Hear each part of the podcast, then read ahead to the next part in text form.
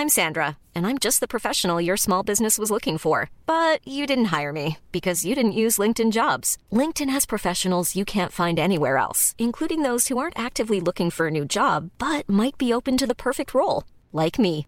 In a given month, over 70% of LinkedIn users don't visit other leading job sites. So if you're not looking on LinkedIn, you'll miss out on great candidates like Sandra. Start hiring professionals like a professional. Post your free job on linkedin.com/people today. Hey, it's Ryan Reynolds, and I'm here with Keith, co star of my upcoming film, If, only in theaters, May 17th. Do you want to tell people the big news?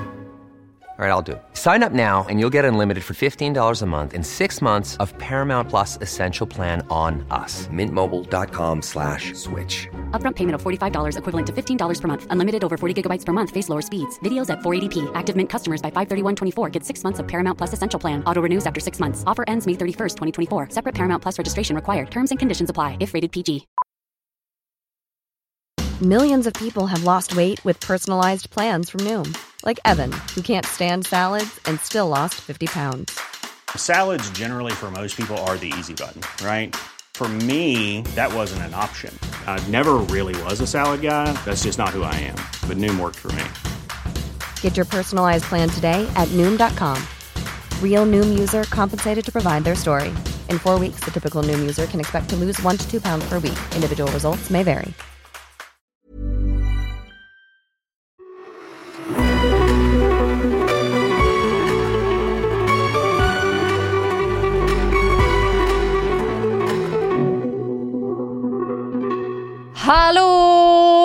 Hej hej! Hallå eller, höll jag på att Hej. säga. Det är ju någon, det är någon annan som säger så. Vem säger hallå eller? Ingen aning. Vad har du fått det ifrån? Det låter som en göteborgare. Det känns som att det är någon jag kollar på på YouTube. Hallå eller? Hallå eller? Skitsamma. Hej! Välkomna Till denna veckans redan kaotiska bonusavsnitt. Vilket märkliga avsnitt. Ja. Ja, verkligen. Det är alltså blandad energi. båda liksom, det här är som slutet av arbetsdagen, så jag, vi är båda liksom så lite körda i hjärnan när vi ska ha de Verkligen. här avsnitten. Den här veckan ska vi prata om massa kul, som vanligt. Men vi börjar med lyssnar-shoutouts. Mm. Gud vad många ni är som har svarat på var ni lyssnar någonstans. Ja, Eh, fett kul. jag kan säga att våran Spotify kryllar nu av eh, svar på Yay! var de lyssnar. Gud vad nice, då kan vi ta shoutout från det nästa vecka. Mm. Den här veckans kramar går extra mycket till Ulrika som skriver, ni frågade när man lyssnar på er podd, jag jobbar som nattreceptionist på ett hotell, så jag har er med i lurarna på natten. Mina dagkollegor tycker att jag är helt sjuk. Dess, dessa nattlyssnare. ja, och också så på ett hotell. Det tycker Mm. jag känns jätteobehagligt. Kanske, men ändå, jag tycker den ändå låter lite soft. Jag tänker typ så här, vad händer som nattreceptionist på ett hotell? Det känns inte som att det händer så mycket. Det kanske är min fördom. Att det är lite tyst och stilla då. Eller kanske folk som checkar in mitt i natten för sig. Men jag tror att jag, jag har sett för mycket på så Poirot och så gamla ja. liksom mordmysterier på hotell. Jag tänker mig så här, fan vad soft att bara typ sitta och lyssna på podd och chilla och så kommer det någon ja, det låter rätt lite nice. då och då typ och har någon fråga eller något. Ja. Danne tycker att du har ett soft jobb Ulrika. Det har du säkerligen. Ja. Eh, och vi brukar bara göra en, men den här veckan tar vi två för vi fick in så mycket roliga. Eh, andra är från Jakob som skriver Brukar lyssna på er när jag klipper gräs på kyrkogårdar och när jag sitter i traktorhytten sena nätter på åkern. Superbra podd. Skulle kanske vilja att avsnitten var lite längre, men annars superbra podd. Vi, vi jobbar på det. Men eh, ja, jag tror det tror jag att jag hade tyckt hade varit läskigare.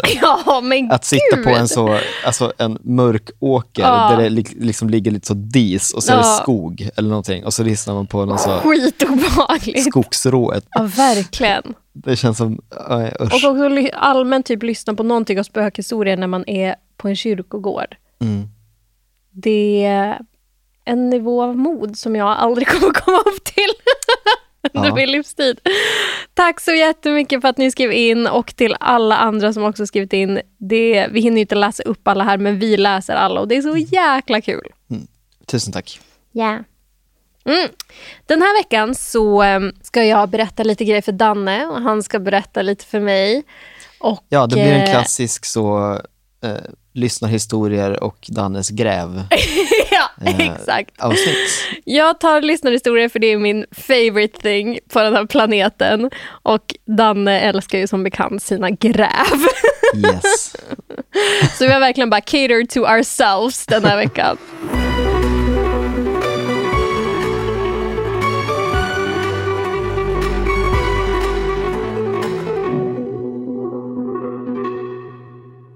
Jag tänkte börja med en lyssnarberättelse från Jenny som har skrivit in till oss på Insta. Hej Jenny. Min första historia är när jag var ihop med mitt ex. Vi bodde i en lägenhet tillsammans. Det var inget bra förhållande. I alla fall, det hela började med att jag satt på den gamla traditionella MSN. Shout out. Oh, flashbacks. Ja. Och chattade med en kompis när någon plötsligt började skriva från min dator av sig själv. Va? Detta slutar sen plötsligt direkt när mitt ex, vi kallar honom Patrik, kommer hem. Det fortsätter sen att hända flera gånger och bara när jag är ensam. Efter ett tag så eskalerar det. Det börjar knäppa på olika sätt i närheten av mig och sen någon gång när jag låg i sängen och hade ett avsnitt av en serie som var pausad så startade det plötsligt av sig själv. På nätterna börjar det även höras att någon sitter i datorstolen då man hör hur någon sitter och smågungar i den och stolen gnisslar. Någon börjar sen att starta låtar och avsnitt på min dator. Den spelar fram på låtar och serien till vissa delar. Det jag hörde var i don't want to scare you. I miss you. I need to talk to you. Oj. När den här personen försöker kontakta mig så är det alltid på blandad svenska och engelska, vilket ska ha varit typiskt min farfar. Det här fortsätter och händer allt oftare. Dagen när jag bestämmer mig att göra slut med mitt ex så blir det helt tyst efter det. Ha, Ja, det var som undrar någon om det slags var markering. ja, att farfar inte tyckte att det där var en bra Nej, det där relation. var ett dåligt ex. Ja jäklar, vad fint. Han hade din rygg. Jag tänkte också dela med mig av första gången jag sov hos morfar efter mormors bortgång. Jag skulle lägga mig i rummet där jag brukar sova. När jag går in där så börjar det knaka och knäppa en massa. Även lampan som jag tände i fönstret börjar flimra. Jag ropar på morfar för att få hjälp med lampan. Han kommer in och allt blir helt tyst och plötsligt så funkar lampan felfritt. Han går sen ut igen och då börjar det knäppa och knaka i huset igen. Jag tänder inte lampan utan säger bara jag kan inte sova med allt det här knakandet och knäppandet. Och då blir det helt tyst. Det här händer varje gång nu när jag sover i det här rummet. Och det blir alltid tyst när jag säger att jag måste sova. Jag har testat sen en gång Vadå, och hon bara säga... säger till? Jag har testat sen en gång och säga att jag ska sova på en gång när jag fortfarande står påklädd. Men då slutade det inte, utan slutade bara när jag låg och skulle sova. Man kan inte försöka luras. Det känns ju som att det var hennes mormor som ville säga hallå där. Ja. Hallå där, hoppas du sover gott. Och att din mormor var ett busfrö. Ja, hon väntar. Hon kanske bara skulle se till att natta dig eller någonting, tänker jag. Kanske var det. Det kan man ju inte göra om du inte ligger i sängen. Du får ju gå och lägga dig först. Ja, verkligen. Ja. Gulligt. Sen hade vi en... Gud, du har varit med om massa små grejer. Det var kul. Mm. Hon skriver, jag och en kompis sov över hos dem som jag ser som min farmor och farfar. Vi ligger då och ska sova när min kompis säger, det står en dam i rummet. Då säger jag, vi står de framför mig och tittar på mig. Och min kompis säger att jag har helt rätt. Va? Dagen efter så pratar vi med min farmor och hon säger att det är en tant som vi kan kalla Alma. Alma tog hand om och stöttade min pappa mycket när han bodde hos farmor och farfar. Hon var nära släkt med min farmor och pappa tyckte väldigt mycket om henne. Så farmor tror att hon tittade till mig då jag sov hos farmor för att jag är pappas dotter. Både jag och min kompis kände att det inte var något ont utan mer kändes lugnande och vänligt. Jag älskar såna där Ja, de här damerna. snällis-spöken. De är, jag tycker om dem. Vi har haft några såna i lyssnarberättelser nu. Det är mina favoriter. Ja, verkligen. Det har även hänt mer hos min morfar. Jag och min sambo skulle sova hos morfar då vi tidigt skulle åka till flygplatsen dagen efter. Morfar är inte hemma så det är endast jag och min sambo där. Jag lägger in vår frukost i kylen och sen lägger vi oss. När vi ska åka till flygplatsen så hämtar jag frukosten och reagerar på att en kastrull står på spisen med vatten. Spisen är avstängd och jag är säker på att jag inte såg kastrullen där innan. Morfar har också berättat att nästan varje natt sedan mormor gick bort låter det i köket, plingar på dörren och som att någon ringer på hemtelefonen mitt i natten. Oj. Skulle koka, koka gröt där mitt i, göra en kopp te kanske. Ja. Ja. alltså, din mormor låter som Sveriges gulligaste spöke. Mm. Ja, Så mycket aktivitet som kretsar kring dig och din familj. ja verkligen. Intressant. Uff. Här kommer det läskigaste som hänt mig. Gud, vi får en Oj, hel, hon- hon är en inte hel, liksom, en Okej. hel, eh, en hel samling. Vad lyxigt. Mm. Jag och min man, som vi kallar Anders, flyttade till Västerås och flyttade in till en liten studentlägenhet. Det var i ett stort höghus som kallades Bjurhovdatoppen och var en möblerad lägenhet. Varje morgon när min kille gått till skolan och jag sov vidare, eller då han var borta, så drömde jag alltid mardrömmar om lägenheten. Och det var alltid som att jag var vaken och att det faktiskt hände. Det kunde vara att någon satt i stolen vid bordet som var vid sidan om sängen och kollade på mig. Eller att det var typ zombies eller liknande inne på toan. Det var alltid varelser som kändes extremt obehagliga. Gud vad jobbigt att drömma mardrömmar så Det låter som ofta. en slags sömnparalys nästan. Ja, skitjobbigt. Cirka fem månader efter att vi flyttat in så flyttade vi till en annan lägenhet. Allt var helt lugnt tills en natt då jag vaknar i sängen och ser att någon sitter i min säng. Han såg extremt obehaglig ut och kändes allt annat än god. Jag frågar honom vem han är och han svarar Jag är från din gamla lägenhet på Bjurhovdatoppen. Ja. Jag minns fortfarande hans skrovliga, obehagliga röst och hur han såg ut. Ett tag efter det så var jag ensam hemma och vaknar mitt i natten vid halv fyra av att min telefon ringer. Dum som jag var när jag var yrvaken så svarar jag i telefonen. Jag frågar vem som är där och hör då den där personen som satt på min säng tidigare. Han svarar Bjurhovdatoppen och säger ett namn och en adress. Jag får panik av rösten och slänger på luren, såklart. Senare på morgonen söker jag på personen han pratat om och hittar honom på den adressen. Jag vet inte vad kopplingen är och varför han besökte och ringde mig. Oh my god! Ja, gud vad obehagligt. Den där var ju sinnesstörd. Ja. För jag tänkte också att det var någon sån sömnparalysgrej. Men om jag hade drömt något obehagligt och fått liksom ren fakta som gick att kolla upp och Ja, sen jag kollat upp den och så lägenhet. stämmer det. Bjurhovdatoppen. Åh! Fy fan ja, då är det jag som aldrig besöker Västerås någonsin i hela mitt liv. Never ever. Wow, tack så hemskt mycket Jenny för att du har skrivit in så många historier.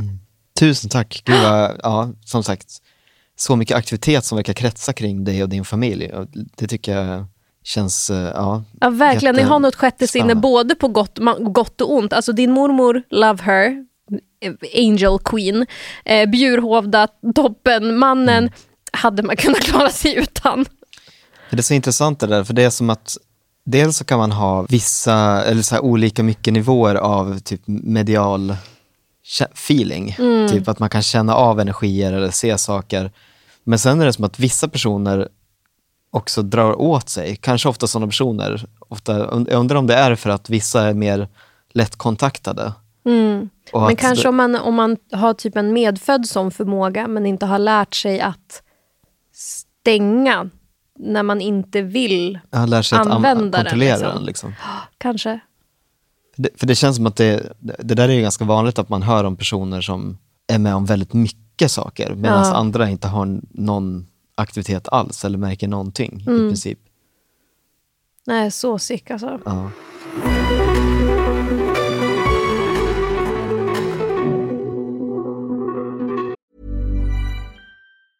Many of us have those stubborn pounds that seem impossible to lose, no matter how good we eat or how hard we work out. My solution is PlushCare. PlushCare is a leading telehealth provider with doctors who are there for you day and night to partner with you in your weight loss journey. They can prescribe FDA-approved weight loss medications like Wagovi and Zepbound for those who qualify. Plus, they accept most insurance plans. To get started, visit plushcare.com slash weight loss. That's plushcare.com slash weight loss. Hey, it's Ryan Reynolds, and I'm here with Keith, co star of my upcoming film, If, only in theaters, May 17th. Do you want to tell people the big news? All right, I'll do it. Sign up now and you'll get unlimited for $15 a month in six months of Paramount Plus Essential Plan on us. Mintmobile.com slash switch. Upfront payment of $45 equivalent to $15 per month. Unlimited over 40 gigabytes per month. Face lower speeds. Videos at 480p. Active Mint customers by 531.24 get six months of Paramount Plus Essential Plan. Auto renews after six months. Offer ends May 31st, 2024. Separate Paramount Plus registration required. Terms and conditions apply if rated PG. Hiring for your small business? If you're not looking for professionals on LinkedIn, you're looking in the wrong place. That's like looking for your car keys in a fish tank. LinkedIn helps you hire professionals you can't find anywhere else, even those who aren't actively searching for a new job but might be open to the perfect role. In a given month, over 70% of LinkedIn users don't even visit other leading job sites. So start looking in the right place. With LinkedIn, you can hire professionals like a professional. Post your free job on linkedin.com slash people today. Okej, mitt nästa inslag idag är från Elinor som har mejlat in. Ni som är, jag höll på att säga OG-lyssnare, eh, kommer säkert ihåg när Danne berättade om El Oh. Sombreron. Är det El Sombreron Elinor? Ja! Vad kul. Ja. Ja, det är det. Eh, alltså hon är ju otrolig. Ni, ni som inte vet om Elinor, hon är otrolig. Eh, och hon mejlade in efter vårt Näcken-avsnitt, gav oss lite mer info om Näcken och skrev bara som en så, parentes. Hur som helst, jag älskar folktro och har skrivit två egna, inom parentes påhittade, berättelser som kommer ne- nedan. Hoppas ni tycker om dem. Och båda berättelserna var fire, men vi hann bara läsa, eller vi har bara hunnit läsa El Sombreron, så jag tänkte att jag tar den andra av dem nu. ja. Eh, jag är jättetaggad på det här. ja, lean back and enjoy. Elva ringens väktare.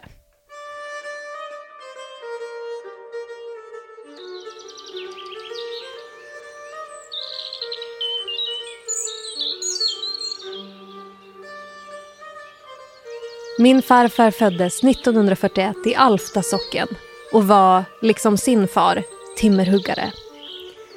Familjen bodde på en gård inte långt ifrån skogsbrynet invid en av Hälsinglands stora skogar. Landskapet tycks vara särdeles rikt på sägner och gammal folktro. Många är de historier jag fått höra farfar berätta.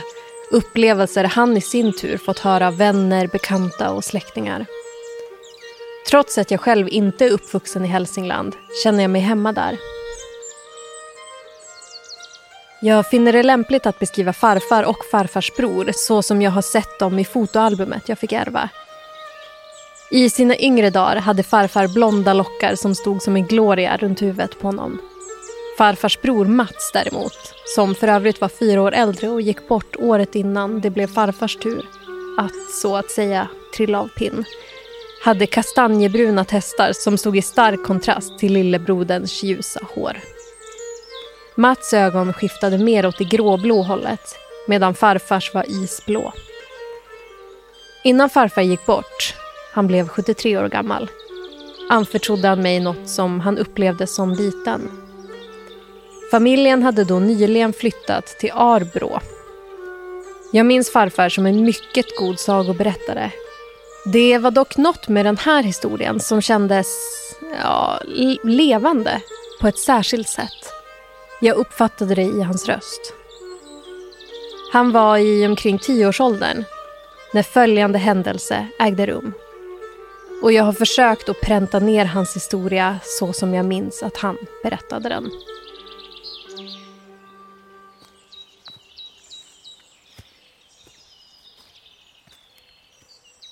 En gång för länge sedan vandrade tvenne gossar i en av de mörka och djupa Hälsingeskogarna. Gossarna var bröder. När de kom fram till en glänta där ljuset fick en chans att ta sig in bad den äldre av dem, som hette Mats och hittade väl i skogen, sin lillebror vars namn för övrigt råkade vara just lillebror och som inte var lika hemtam i skogen, att stanna. Jag behöver kissa. Lillebror nickade. De såg sig omkring för att hitta ett bra ställe att uträtta sina behov på. Titta, där är en elvaring. Mats pekade med hela handen mot en sån där ring med svampar vilket ofta kallas just elvaringar eller häxringar. Lillebror rynkade på pannan när Mats gick fram mot svampringen. Vad gör du? undrade han. En rysning for genom kroppen på den yngre brodern, trots de sköna solstrålarna. Jag ska vattna svamparna, svarade Mats förtjust. Jag har hört att de växer bättre då. Lillebror tog några steg fram mot storebror. Jag tror inte att det är någon bra idé. Kommer du inte ihåg vad farfar brukade säga? Mats brast ut i ett gapskratt. Tror du på de där barnsagorna? Lillebror låtsades inte höra. Det känns inte bra, sa han. Mats suckade. Du kan ju gå och kissa vid något träd som en annan hund då. Jag kommer strax. Innan lillebror hunnit öppna munnen för att försöka hejda sin storebror en sista gång hade denne redan dragit ner byxorna. En lång stråle bevattnade nu marken i elvaringen.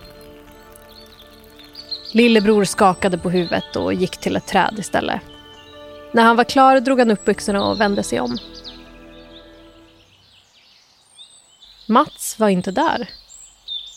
Lillebror kände plötsligt hjärtat bulta uppe i halsen. Mats försökte nog bara spela honom ett spratt. Det var något de brukade roa varandra med. Nu var det dock inte läge och Mats borde verkligen veta bättre. Mats! ropade han, men fick inget svar. Han traskade några varv i gläntan. Sen ropade han igen. Nu rörde sig något bland träden. Jag ser dig Mats, du kan komma fram nu. Jag erkänner att jag gick på det, bara du kommer fram. Någon närmade sig. Det var inte Mats. Istället var det en mycket lång och smal gestalt. Lillebror såg tydligt att det var en gosse, eller snarare yngling, som såg ut att vara några år äldre än han själv. Kanske till och med i Mats ålder. Den framträdande figuren kunde dock inte vara mänsklig. För när gestalten kom närmare såg lillebror att något som liknade revor av murgröna och linnérankor tycktes växa ut ur huvudet på honom svallande ner för de breda, bara axlarna. Öronen som skymtade var smala och spetsiga och huden tycktes överlag anta samma färger som omgivningen. En var en grönskimrande, en gråspräcklig på sina ställen. Lillebror kunde inte låta bli att lägga märke till den bara, väl utmejslade torson vars muskler spelade när främlingen rörde sig. Barfota var han också. Fötterna, eller snarare tassarna, var pälsbeklädda med kloliknande naglar. Pälsen såg ut att vara tjock och grå och räckte ända upp till midjan. Vad som trollband allra mest var ändå ansiktet. Buskiga ögonbryn och under dessa ögon lika djupt gröna som skogen runt omkring. Högt placerade kindben, smal näsa, kraftig haka. Allt saliv i lillebrors mun tycktes ha dragit sig tillbaka. Vem var det här? Främlingen var nu helt nära. Ett leende tycktes leka i hans mungipor. Din bror har jag skickat hem. Den mörka rösten fick lillebror att återigen rysa Dock inte av obehag den här gången. Jag tror att han kommer att ha lärt sig en läxa när han vaknar imorgon bitti. Lillebror nickade sakta. Han förstod nog vad han hade att vänta när han kom hem och förbannade sin storebror för dennes trots. Främlingen fortsatte. Dig ska jag ge en belöning eftersom du avstod att vanhelga min mark. Jag är Elvaringens väktare mina systrar, älvorna, dansar om kvällarna och tidigt om morgnarna. Du har säkert sett dem. Lillebror nickade igen. Var gång bildas en ny älvaring och jag får nya områden att vårda och sköta om. Ta den här belocken. Den skyddar mot älvornas trollkraft om du någon gång skulle råka på dem. Och det kan hända att de lockar med dig i dansen. Bär du belocken runt halsen eller i fickan kommer de inte kunna göra dig något ont. Lillebror tog emot belocken. Hans hand snuddade vid främlingens och de log mot varandra. Belocken var formad som ett silverhjärta med två initialer inristade. S. R. Lillebror tackade och bockade och la belocken i fickan och frågade försiktigt. Vad heter du? Jag får inte avslöja mer än att initialerna knyter an till mig. Främlingen la en välskapt hand på lillebrors axel och fortsatte. Vill du följa med hem till mig? Det ska bli fest ikväll med mat och dryck. Ynglingens ögon glimrade till i den nedåtgående solens strålar. Jag eh, tackar ödmjukast för inbjudan. Lillebrors röst darrade lite och han kände en svag värme sprida sig i kroppen på honom när han svarade. Men min familj väntar där hemma. Ynglingen tryckte lillebrors axel och lät sedan handen falla. Därefter hukade han sig i höjd med pojken, såg länge på honom och sa Jag ska ge dig ytterligare något som är kopplat till mig och ger dig skydd. Lillebror undrade vad det kunde vara, men väntade i tystnad. Och främlingen fortsatte. Du kan inte tappa bort gåvan jag strax ska ge dig. Men det kommer att stinga lite. Han förde undan några grönskande hårankor från ansiktet. Lillebror såg in i de så djupt gröna ögonen och kände att han kunde lita på ynglingen. Han svalde. Nyfikenheten steg inom honom och rösten darrade lite när han sa Jag tar gärna emot vad du har att erbjuda mig. Främlingen lyfte då sina händer utan att släppa gossen med blicken förde undan skjorttyget från lillebrors vänstra axel och blottade så nyckelbenet. Därefter sänkte främlingen sitt huvud i en graciös rörelse och bet till strax under nyckelbenet. Lillebror drog in luft genom hoppressade läppar. Händerna hade funnit stöd mot främlingens nakna, varma rygg. När deras blickar återigen möttes måste främlingen ha sett något i pojkens lätt glasartade blick. För han tog lillebrors hand i sin och rätade på sig. Genom märket jag har gett dig kommer du nu att kunna kalla på mig när du vill. Gå bara till skogsbrynet i skymningen. Lägg därefter båda händerna över märket och tänk på mig. Då kommer jag till dig. Kom, jag ska visa dig vägen hem. Lillebror drog frånvarande skjortan tillbaka över huden där märket nu tycktes lysa emot honom medan han la allt vad han hade fått veta på minnet.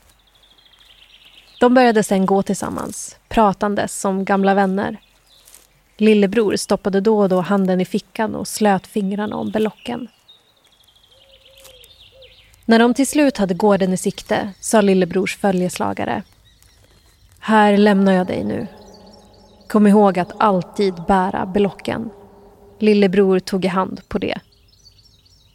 Sen stod han länge och såg efter sin vägvisare.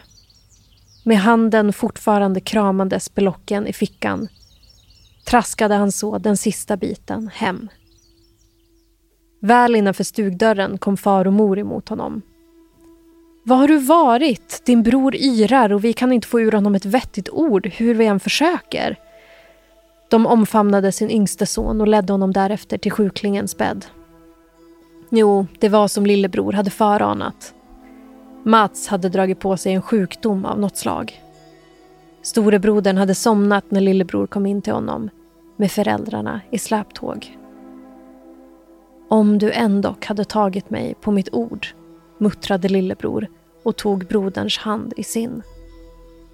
Vad säger du min pojke? undrade fadern i sin viskande ton.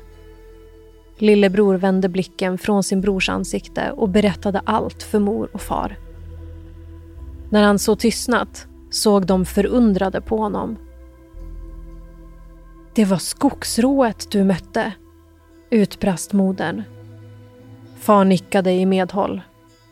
Men skogsrån är ju kvinnfolk, sa lillebror och rynkade pannan. De vuxna såg på varandra och far sa De är som vi och är inte som vi. Lillebror betraktade återigen sin brors ansikte. Mats hade fram tills dess varit någorlunda stilla men nu förvreds hans ansikte i vad som måste vara skräck. De försökte alla tre lugna honom i hyschanden och smekningar och till slut slätades sjuklingens ansikte ut och blev åter stilla. Lillebror bet sig i läppen. Skulle han visa skyddsmärket som främlingen eller om det nu verkligen var ett skogsrå han hade mött, hade gett honom? Till slut drog han sonika av sig skjortan medan föräldrarna undrande såg på. Han såg ner och upptäckte märket. Han tecknade åt föräldrarna att komma närmre.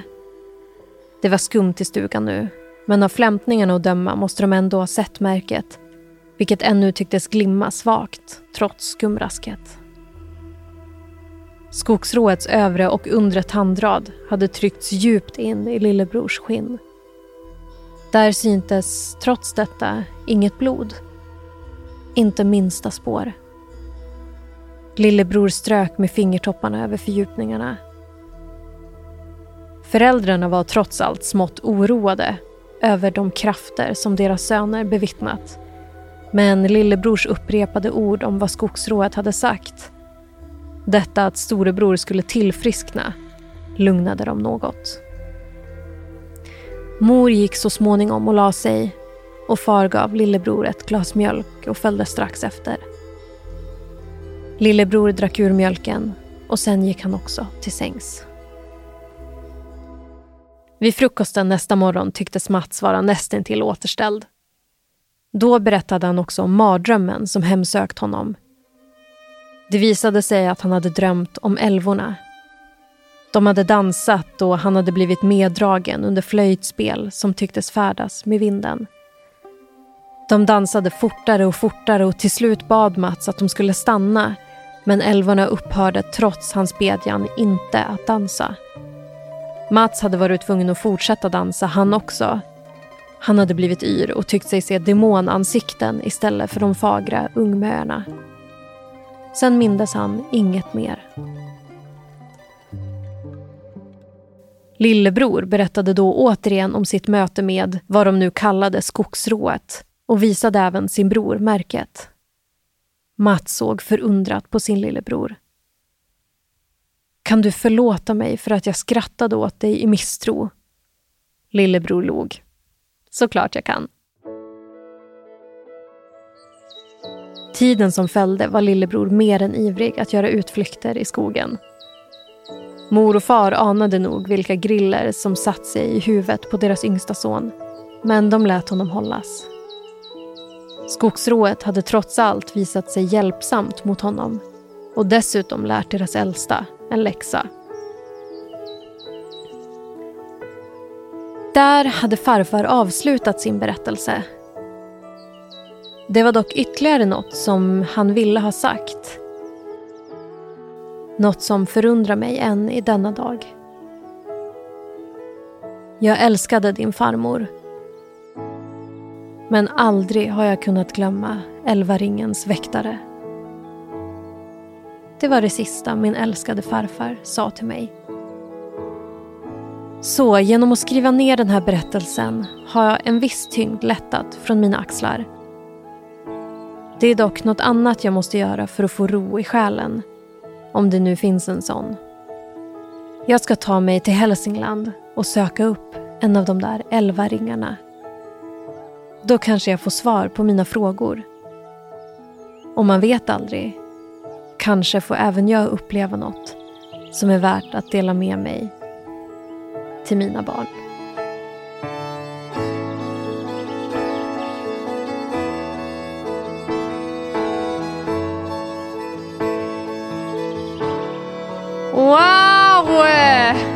Elinor. Vad fint. Jag bara så här, ta med berlocken och lämna tillbaka den. ta med den och typ lägg den i älvaringen. Gud, det, är ju, det, här det var. det här kräver en sequel. Det var farfar som hade varit, eller som var lillebror. Lillebror, ja det Ja. tror jag. Det tror jag Vad- definitivt. Ja, jättefint. Så himla bra historia. Jag, jag älskar sådana hälsingehistorier. Det finns så himla mycket Mm. därifrån. De är ju, eller de, de det är verkligen eh, ett landskap som kryllar av eh, sägner och folktro och Mm. myter och sånt. Ja, alltså jag är så imponerad över nivån på skrivandet. Det var en Mm. fröjd att få läsa det där. Tack så hemskt, hemskt mycket. Mm. Tusen tack.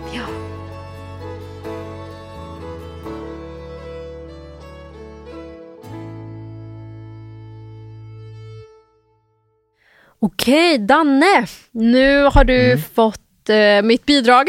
Jag Ja. längtar efter att få lean back och lyssna på ditt.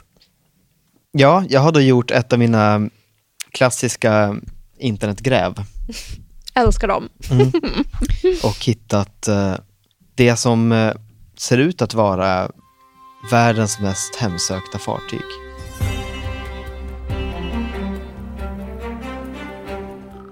Låt mig ta er tillbaka till 1936. Då åker det här fartyget som heter Queen Mary på sin jungfruresa. Det avgår från England och eh, det är kan man säga ett systerskepp till eh, Titanic.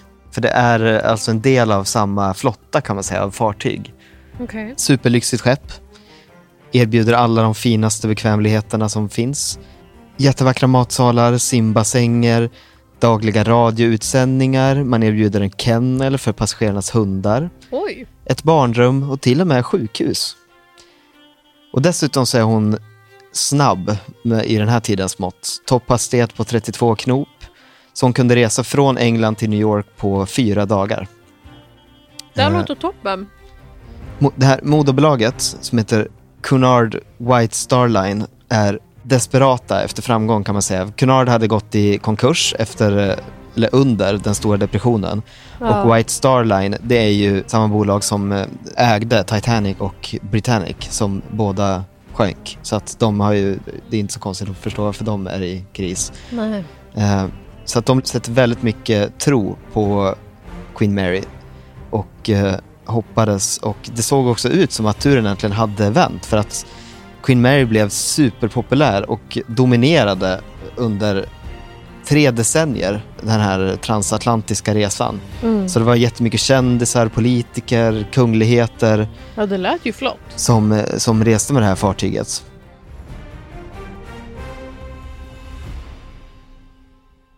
Men det här är ju en tid, 1936 Sex. har den sin jungfrutur. Det här är ju en tid då det är oroligt i världen. Det är kaos, rätt ut sagt. Andra världskriget bryter ut och eh, under krigsåren så tvingas man att göra om det här berömda fartyget till ett militärt transportfartyg Okej. där man transporterar soldater. Och man fyller då med eh, mellan 5 och 15 000 soldater som man fraktar över, över hela världen Vadå Och det- per, liksom, per gång? Per gång. Och det är här saker och ting vänder. År 1939 så skriver man ut skeppet i den här militärtjänsten då. Och anledningen att man vill använda det här skeppet är för att Storbritannien tror att hennes storlek och hastighet skulle hålla henne säker från tyska ubåtar. I och med att hon är så snabb så att, och borde vara mycket svårare att sänka helt enkelt. Och de hade rätt. Alltså det visade sig vara väldigt effektivt. Till och med så pass effektivt att Adolf Hitler själv erbjuder en belöning på 250 000 dollar till den ubåtskapten som kan sänka Queen Mary. Oj!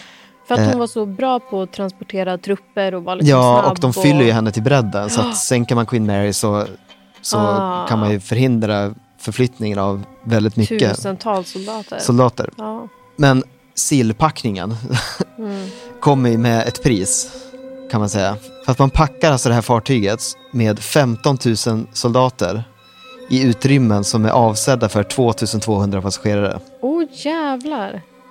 På sommaren så sov soldaterna axel mot axel på däck och turades om att sova i våningssängarna under däck. Men bristen på luftcirkulation i de här hytterna gjorde att eh, de blev otroligt varma. Så många soldater dör av värmeslag i hytterna. Men gud. Andra hoppar ifrån fartyget. Så det här är liksom inte längre det lyxiga kryssningsfartyget som det från början var Nej, tänkt att det skulle vara. Det är helvetet på jorden, Ja. kan man säga. Alltså man måste verkligen hata att vara där om man hoppar över bord ut i havet. Ja, och jag tänker alltså, också att det här är soldater som kanske har varit med om en massa saker. De mår ju antagligen inte särskilt bra.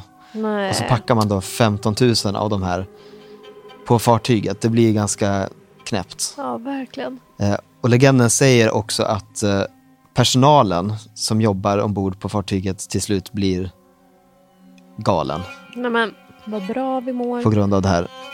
Ett vanligt rykte är att kökspersonalen låste in kocken på fartyget i sin egen ugn Nej men, en natt och stekte honom levande.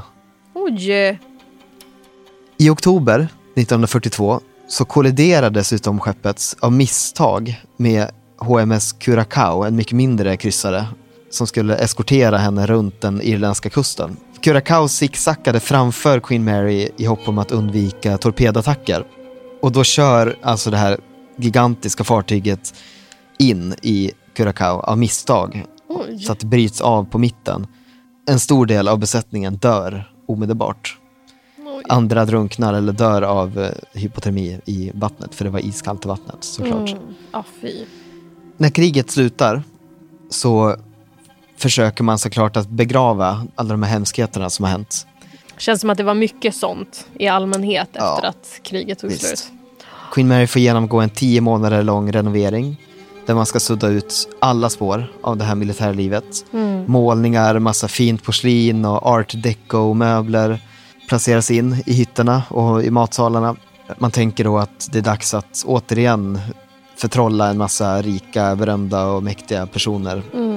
Men hur mycket fina tavlor man än hänger på väggarna så kan det ju inte begrava vad som hänt Nej. under kriget. För det är nu ett hemsökt skepp. Ja, alltså den där ångesten måste sitta i väggarna. Det gör ju det. Det är som de här uh, Waverly Hills Sanatorium och Ja. de här som vi har läst om. Där Ja. det är liksom, När det händer för mycket skit på en plats, det, är liksom, ja. det går inte bort efter ett tag verkar det som. Det sägs vara hemsökt av över hundra olika andar.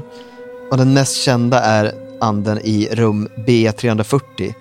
Där den övernaturliga aktiviteten är så frekvent och så intensiv att besättningsmedlemmarna vägrar att gå in där. Oj! 1948 så dör en tredjeklasspassagerare vid namn Walter J. Adamson på ett mystiskt sätt i det rummet. Man vet inte om det är hans ande eller om han blev dödad av anden som spökar i rummet. Ja. En annan berättelse säger att eh, personalen har låst in en man i det här rummet efter att han har mördat två kvinnor på 1960-talet. Under natten så börjar han banka på dörren och skrika till vakten utanför att det är någonting i rummet med honom. Men gud. När de öppnar dörren på morgonen så hittar de hans kropp blodig och helt söndertrasad. Han hade slitit sönder. Och det är klart att vakterna inte trodde på honom för att så här, hej Nej, du har precis mördat två personer. Ja. Alltså, Han är galen. ja. Shit. Eh, när det här fartyget till slut är för gammalt för att segla då, så förvandlar man om det till eh, ett hotell. Och det är klart det blir ett hotell. Det är det mest hemsökta eh, fartyget i världen. Det är klart man gör det till ett hotell. Ja. Supersmart. Eh, och eh, delvis är det också ett museum i Long Beach i Kalifornien. Men de här rykten om att det är hemsökt har aldrig upphört. Och idag finns det till och med guidade spökturer som man kan gå. Som tar besökare till de här mest hemsökta delarna av eh, skeppet. Åh, jag hade velat gå en sån. Vissa besökare har hört hundskall från den gamla kenneln. Andra har sett våta fotspår på golvet från den gamla simbassängen. Många har också sett en ung flicka som dog där för länge sedan. Det är vad fartyget är idag. Det är liksom ett hotell slash museum. En blandning av skräck och fasa och typ lyx.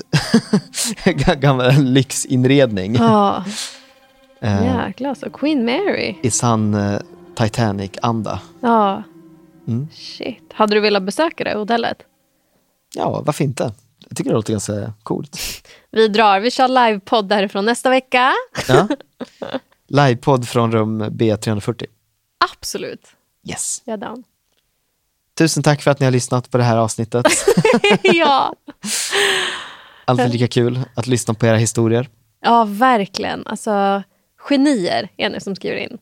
Massa pussar och kramar. Och ni som lyssnar, om ni känner att jag också varit med om någonting oförklarligt, skriv in. Alltså, ja, eller om ni det- vill tipsa oss om en plats, Ja. why not, som vi kan prata om. Eller kanske roadtrippa till om det är Sverige.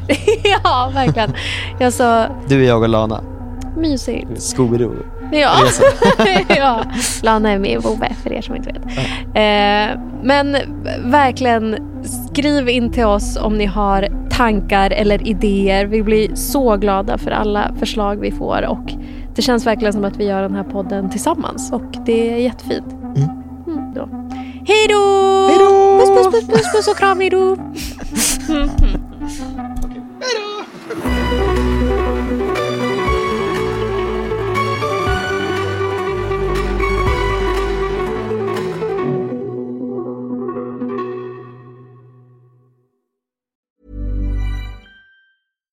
Hey, it's Paige DeSorbo from Giggly Squad. High quality fashion without the price tag. Say hello to Quince. I'm snagging high-end essentials like cozy cashmere sweaters, sleek leather jackets, fine jewelry, and so much more. With Quince being 50 to 80% less than similar brands.